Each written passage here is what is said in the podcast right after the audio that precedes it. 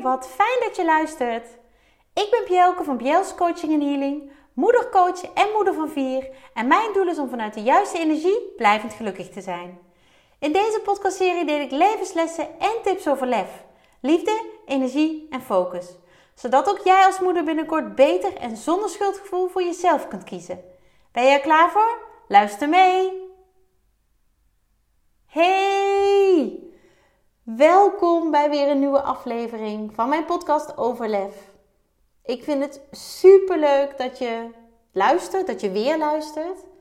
Ik weet natuurlijk niet of dit de eerste aflevering is die je hoort of al de zoveelste. Maar volgens mij heb ik inmiddels een hele mooie groep van enthousiaste, trouwe luisteraars van deze podcast. En ja, dat vind ik waanzinnig.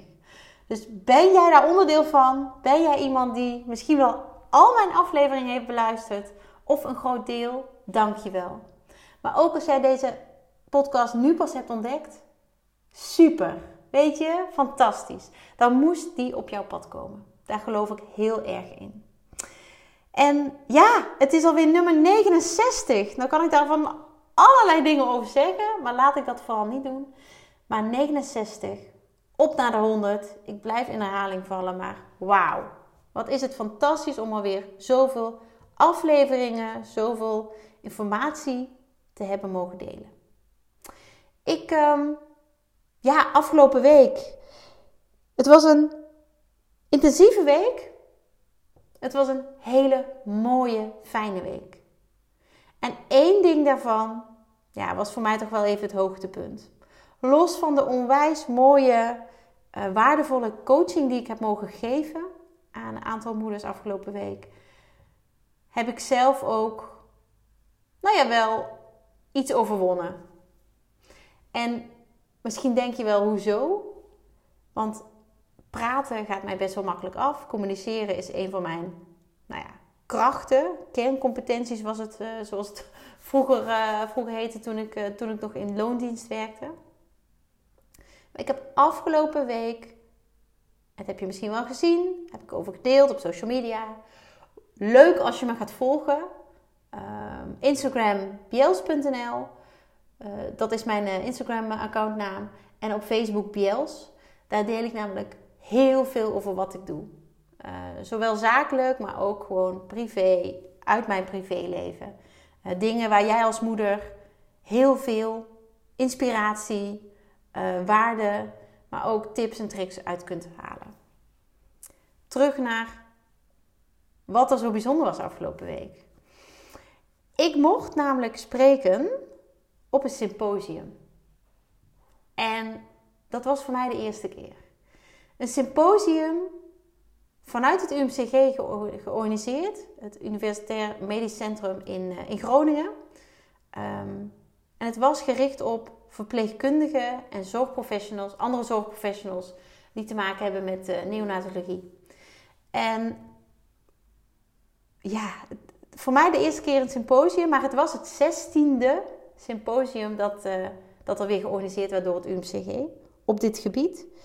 Um, en ja, ik ben daar toch ook wel weer uit mijn comfortzone gehaald, gegaan en gehaald. Heb ik mezelf natuurlijk gehaald, want ik heb ja gezegd um, om daar te kunnen spreken, te mogen spreken. Om ons verhaal te delen. Maar jeetje, wat was het bijzonder. Ik, um, het symposium heette Vliegende Hollander. Een dolle emotionele rit op de NICU. En mocht je daar helemaal niet mee bekend zijn, de NICU staat voor Neonatale Intensive Care Unit. Het is eigenlijk de intensive care voor ja, veel te vroeg geboren of uh, ziek geboren kindjes. En ja, voorheen was ik misschien wel net als jij. Ik wist van het bestaan. Maar ik was er gelukkig nog nooit geweest. En ik hoopte er ook nooit te hoeven komen. En natuurlijk, weet je, heb ik dat met heel veel dingen. Maar deze is niet aan ons voorbij gegaan. Um, want 2,5 jaar geleden werd onze jongste dochter na een zwangerschap van slechts 26 weken uh, via een spoedkeizersnede geboren in het UMCG. En los van dat ze veel en veel te vroeg was. Gisteren heb ik uh, het voorbeeld gegeven van als ik ergens deel dat ze 14 weken te vroeg was, dan kijken mensen me wel eens glazig aan. Van, oh ja, hoe, hoe lang is een zwangerschap ook alweer? En goh, hoe, hoeveel te vroeg is dat dan? Um, weet je, ze hebben daar weinig beeld bij. Maar vaak geef ik dan even de vergelijking met ze zou met de kerst geboren worden, maar ze kwam in de zomer. En dat is niet alleen maar een uh, vergelijking, dat is ook echt zo. Ik was namelijk rond de kerst uitgerekend, net voor kerst. En ze is op 17 september geboren. En dat is nog steeds de zomer. En ja, weet je, dan heb je wel even de aandacht. Dan denken mensen wel even: wow, dat is inderdaad heel veel te vroeg. Want uiteindelijk heeft ze dus een heel, een heel jaargetijde, de herfst, heeft ze overgeslagen ja, echt bizar. Bizar. Maar dat zijn dus 14 weken. En ja, ons kleine meisje heeft het ongelooflijk zwaar gehad. En niet alleen door haar premature geboorte, ook omdat ze de dag erna drie hersenbloedingen kreeg. Die het haar ongelooflijk zwaar hebben gemaakt. En ehm, ja, waarvan de artsen ook wel heel erg uh, schrokken. En ook zich afvroegen wat dat op de korte en de lange termijn voor gevolgen zou hebben. En het mooie is dat ik dus gisteren op het symposium voor verpleegkundigen en andere zorgprofessionals van de neonatologie in heel Nederland ehm, ons verhaal mocht delen. Zowel in de ochtend als in de middag leverde ik een bijdrage aan die dag. In de ochtend deelde ik ons verhaal ehm, ja, eigenlijk, ik las voor uit een artikel dat ik afgelopen najaar schreef voor het tijdschrift Kleine Maatjes. Dat is een tijdschrift van Care for Neo. En Care for Neo is een organisatie die zich heel erg um, bezighoudt met alles rondom nou, pasgeboren prematuren. Um, of je nou prematuur, dus te vroeg geboren of dismatuur, ziek geboren bent. Uh, zijn, een, zijn een soort, ja, um, ik ben even het woord aan het zoeken, maar een soort achtervang of zo. Nou, dat is misschien niet helemaal het woord, maar care for. Um, ja, ze, bieden wel steun. Ik denk dat dat, dat, dat het is. Steun door het delen van verhalen. Uh, het is een platform voor niet alleen maar ouders van prematuur geboren of van pasgeborenen uh, met, een, uh, nou ja, met een beperking of een, een ziekte. Maar ook voor oud prematuren. En oud prematuur klinkt raar, want je blijft je hele leven prematuur. Uh, nou, laat ik zeggen premature volwassenen. Want weet je, prematuur, uh, uh, je geboorte doe je niet opnieuw. Je bent en blijft prematuur. En of dat nou wel of niet ingrijpende gevolgen voor je heeft, dat is wat je bent. En het was zo ongelooflijk mooi om dat artikel, wat ik zelf het najaar geschreven heb, uh, en wat ook gewoon te lezen is in, in dat blad, Kleine Maatjes, van november 2021, om dat voor te lezen. En ik stond stevig in mijn schoenen. En ik was aan het lezen en ik had het natuurlijk voorbereid. Ik had het al vaker uh, hardop gelezen en uh, met de nodige emoties. Want ja, het is en blijft gewoon een aangrijpend verhaal. En ik weet het, ik heb het zelf meegemaakt. Maar ja, het blijft gewoon eigenlijk te bizar wat er allemaal gebeurd is. En ter plekke, uh, voor die zaal, en, en, en een deel van de mensen was online erbij, ja, merkte ik dat ik emotioneel werd. En eigenlijk vond ik dat heel erg mooi. Want het is, het is en blijft niet niks. Nou ja, wat onze dochter heeft meegemaakt, wat wij als ouders hebben meegemaakt, wat ik als moeder heb meegemaakt en wat wij als gezin hebben beleefd. Dat was in de ochtend. En de hele zaal had kippenvel, tranen in de ogen. Uh, ik kreeg zo ontzettend veel liefdevolle, warme reacties. Ja, het was, het was zo, zo'n cadeautje eigenlijk om dit te mogen doen. Want eindelijk kon ik iets terug doen. Voor al die lieve, uh, waardevolle zorgen die de mensen op de NICU, op de afdeling neonatologie, waar Luus zeven weken in het UMCG heeft gelegen, ehm, ja, wat zij voor haar gedaan hebben. En, en, en ook voor ons, weet je, ook voor ons als ouders. Dat was in de ochtend en er waren in de ochtend nog veel meer uh, mensen aan het woord. Specialisten op het gebied van maatschappelijke zorg, maar ook ehm, mensen die onderzoek doen naar premature geboortes. de impact ervan op, op ouders, psychotrauma's, de psychologie helemaal achter, hè, achter wat je meemaakt. Um, en er was zoveel herkenning voor mij. Zoveel herkenning, maar daardoor ook behoorlijk wat confrontatie. En ik heb het allemaal binnen laten komen.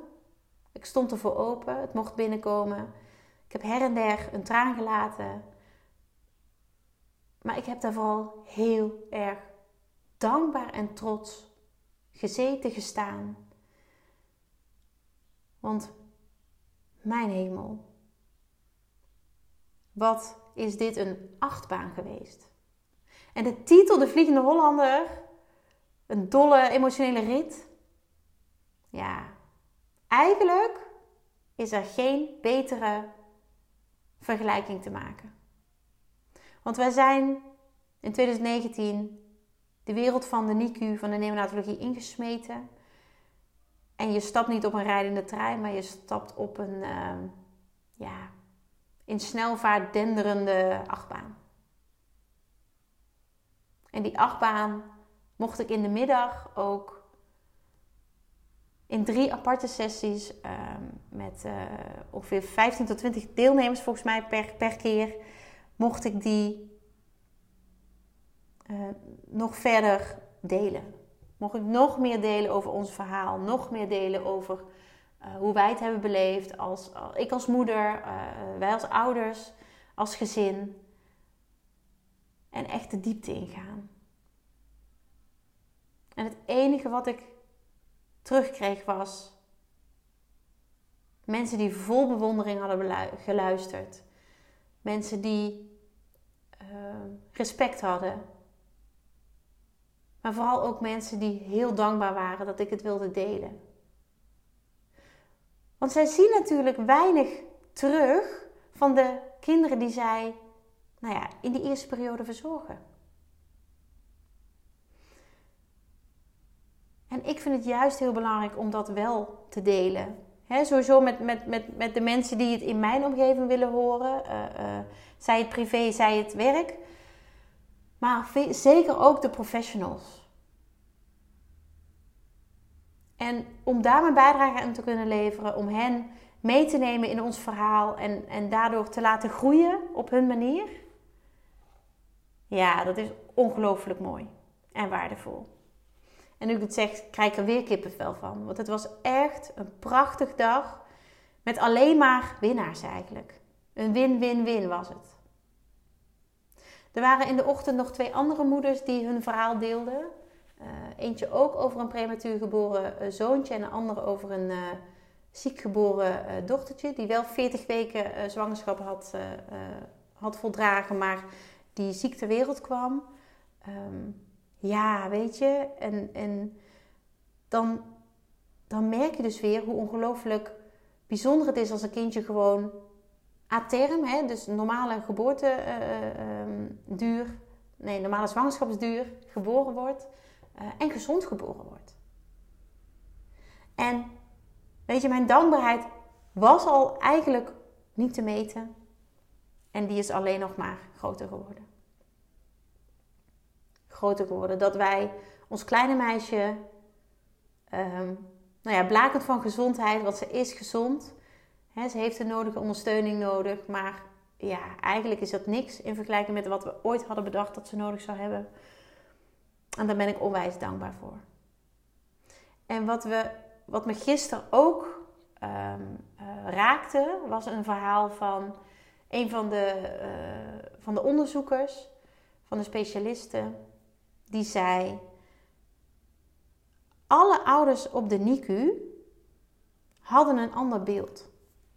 Een ander beeld van de geboorte, een ander beeld van de uh, eerste dagen, eerste uren, eerste weken van hun pasgeboren baby. En toen dacht ik, ja, dat is het. Weet je, daar zat zoveel herkenning in. Want bij ons liep het ook anders dan we hadden bedacht. De eerste zin was, van mijn artikel was: uh, we keken uit naar een bijzondere kerst. En die kerst hebben we uiteindelijk in het ziekenhuis nou ja, gevierd. Half in het ziekenhuis doorgebracht. Aan de zijde van onze kleine meid. Die toen gelukkig wel bijna naar huis mocht, maar die nog net niet sterk genoeg was. En 30 december is ze toen thuisgekomen, dus, dus een week later. En je kent waarschijnlijk wel de uitspraak: Life is what happens when you're busy making other plans. Het leven gebeurt terwijl jij bezig bent en vooral heel druk vaak bezig bent met het plannen van dingen, met, met maken van plannen. En je wordt er soms zelfs door ingehaald. En onze ervaring met Luus, onze kleine meid, nou ja, inmiddels ook al 2,5 en uh, een behoorlijke dame. Weet je, geef mij alleen maar de bevestiging dat het allemaal niet te plannen is. En dat het leven inderdaad gewoon gebeurt. En de boodschap die ik jou met deze podcastaflevering wil geven, is dat jij vertrouwen mag hebben in het leven. En dat klinkt misschien heel groot en zwaar, maar eigenlijk is dat heel klein en heel licht als je het heel dicht bij jezelf houdt. Want hoe mooi is het als jij mag vertrouwen dat wat er gebeurt, gebeurt met een reden. Als ik terugkijk naar de situatie met Luus, ik had een prima zwangerschap, uh, verloor spontaan vruchtwater, waardoor zij, uh, nou ja, met een spoedkeizersnede geboren moest worden na 26 weken zwangerschap. Ik geloof dat zij er klaar voor was. Maar dat haar lijfje, dat ze vergeten was of zo, dat haar lijfje dat nog niet was. Want de pit die die dame heeft, weet je, die heeft haar uiteindelijk ook in leven gehouden. En misschien vind je het heel raar wat ik nu allemaal zeg. En vind je het zweverig en vind je het... Maar ik geloof daarin. En omdat ik daarin geloof, kan ik daar ook op vertrouwen. Ik zag laatst een hele mooie zin. En misschien, ja, ik deel weer een quote. Maar ik vind het zo ongelooflijk mooi hoe raak die af en toe kunnen zijn. En die was, die luidde, eerst geloven, dan zien. En je kent natuurlijk allemaal, weet je, jij kent ook het eerst zien dan geloven stuk.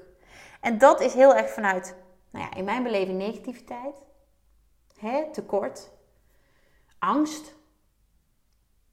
Maar eerst geloven dan zien. Oh, ik vind hem zo licht en zo luchtig en zo, ja, vol vertrouwen. Eerst geloven. Eerst geloven.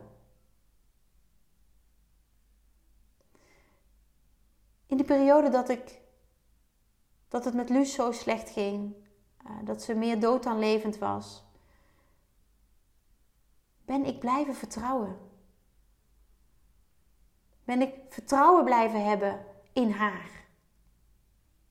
Maar ook in mezelf. Dat wij er op de juiste manier voor haar zouden kunnen zijn. Om haar de kracht te geven en de liefde te laten voelen die zij nodig had. Terwijl alles op zijn kop stond. Terwijl alles anders liep op dat moment dan we hadden gedacht, hadden verwacht, hadden gehoopt. Maar we hadden vertrouwen. En door dat vertrouwen kon ik ook door mijn tranen heen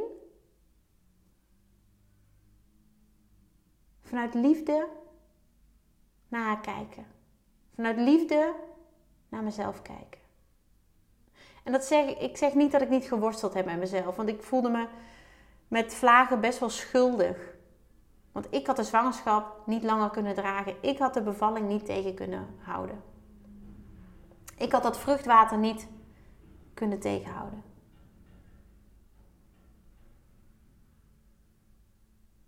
Maar het vertrouwen overheerste. Het vertrouwen was zo groot. En dat gaf kracht. Dat gaf mij kracht. Dat gaf haar kracht. Dat gaf ons gezin kracht. Vertrouwen. En ik zie te vaak om me heen gebeuren dat mensen zich vasthouden, moeders zich vasthouden aan het beeld wat ze ooit hadden bedacht dat hun leven zou moeten zijn. En ondertussen word je tien jaar ouder. En in die tien jaar gebeurt er niks. En zeker niet in de richting van dat beeld wat jij ooit had. En ik val in herhaling, maar elke dag heb jij de keuze om iets anders te gaan doen. En iets anders kan zijn een ander werk of ander huis of andere relatie. Ik weet het niet. Het kan ook iets heel kleins zijn. Wat nou als jij vandaag tegen jezelf zegt: Mijn leven is anders gelopen dan ik had gedacht, maar het is oké. Het is oké. En vanaf nu ga ik vertrouwen Vertrouwen op mezelf, maar ook vertrouwen hebben in het leven dat alles komt wat ik nodig heb. Dat het loopt zoals het moet.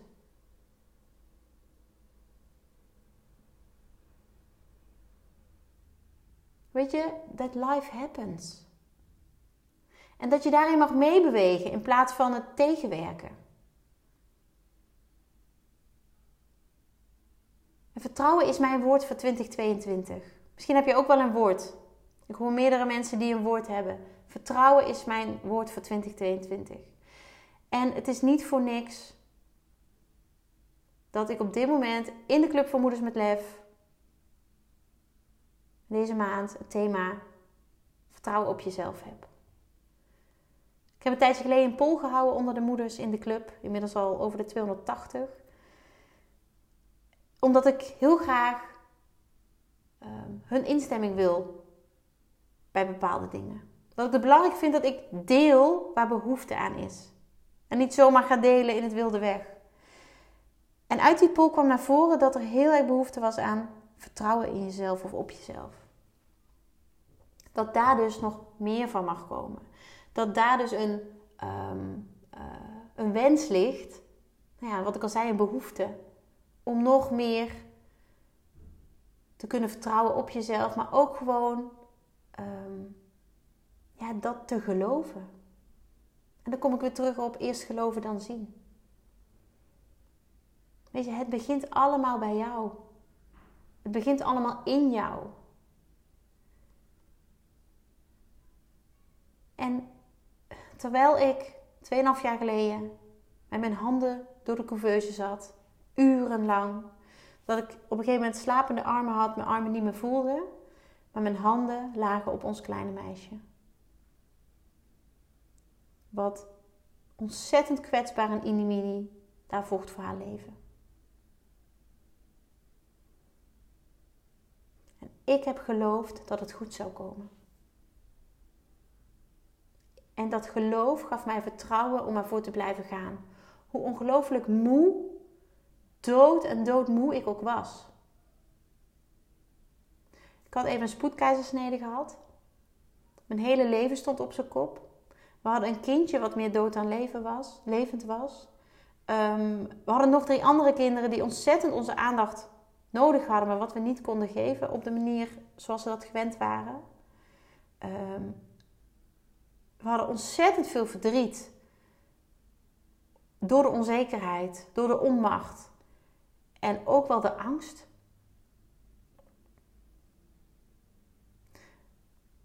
Maar ik ging geloven. Ik ging geloven in een goede afloop. Ik gaf mezelf en haar dat vertrouwen. En eerst geloven, dan zien. En het gebeurde. En ik ben er heilig, maar dan ook echt heilig van overtuigd dat onze mindset, om maar even naam te geven, onze mindset, ons uh, hele zijn op dat moment, een ongelooflijke impact heeft gehad op, op Luus. Op onze kleine vechter. Dat zij met ons geloof, ons vertrouwen aan haar zijde, steeds weer een stap zetten in de goede richting. Dat ze onze liefde, warmte en het geloof heeft gevoeld.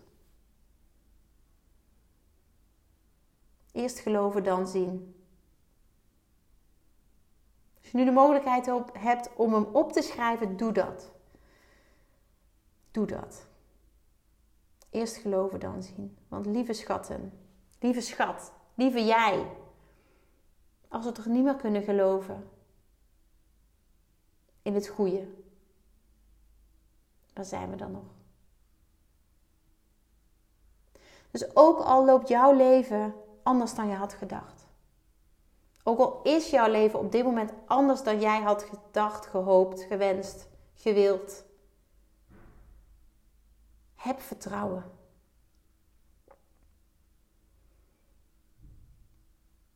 Toen ik ooit mijn eerste kind kreeg en mijn tweede kind, had ik ook niet gewild dat de relatie met hun vader spaak zou lopen.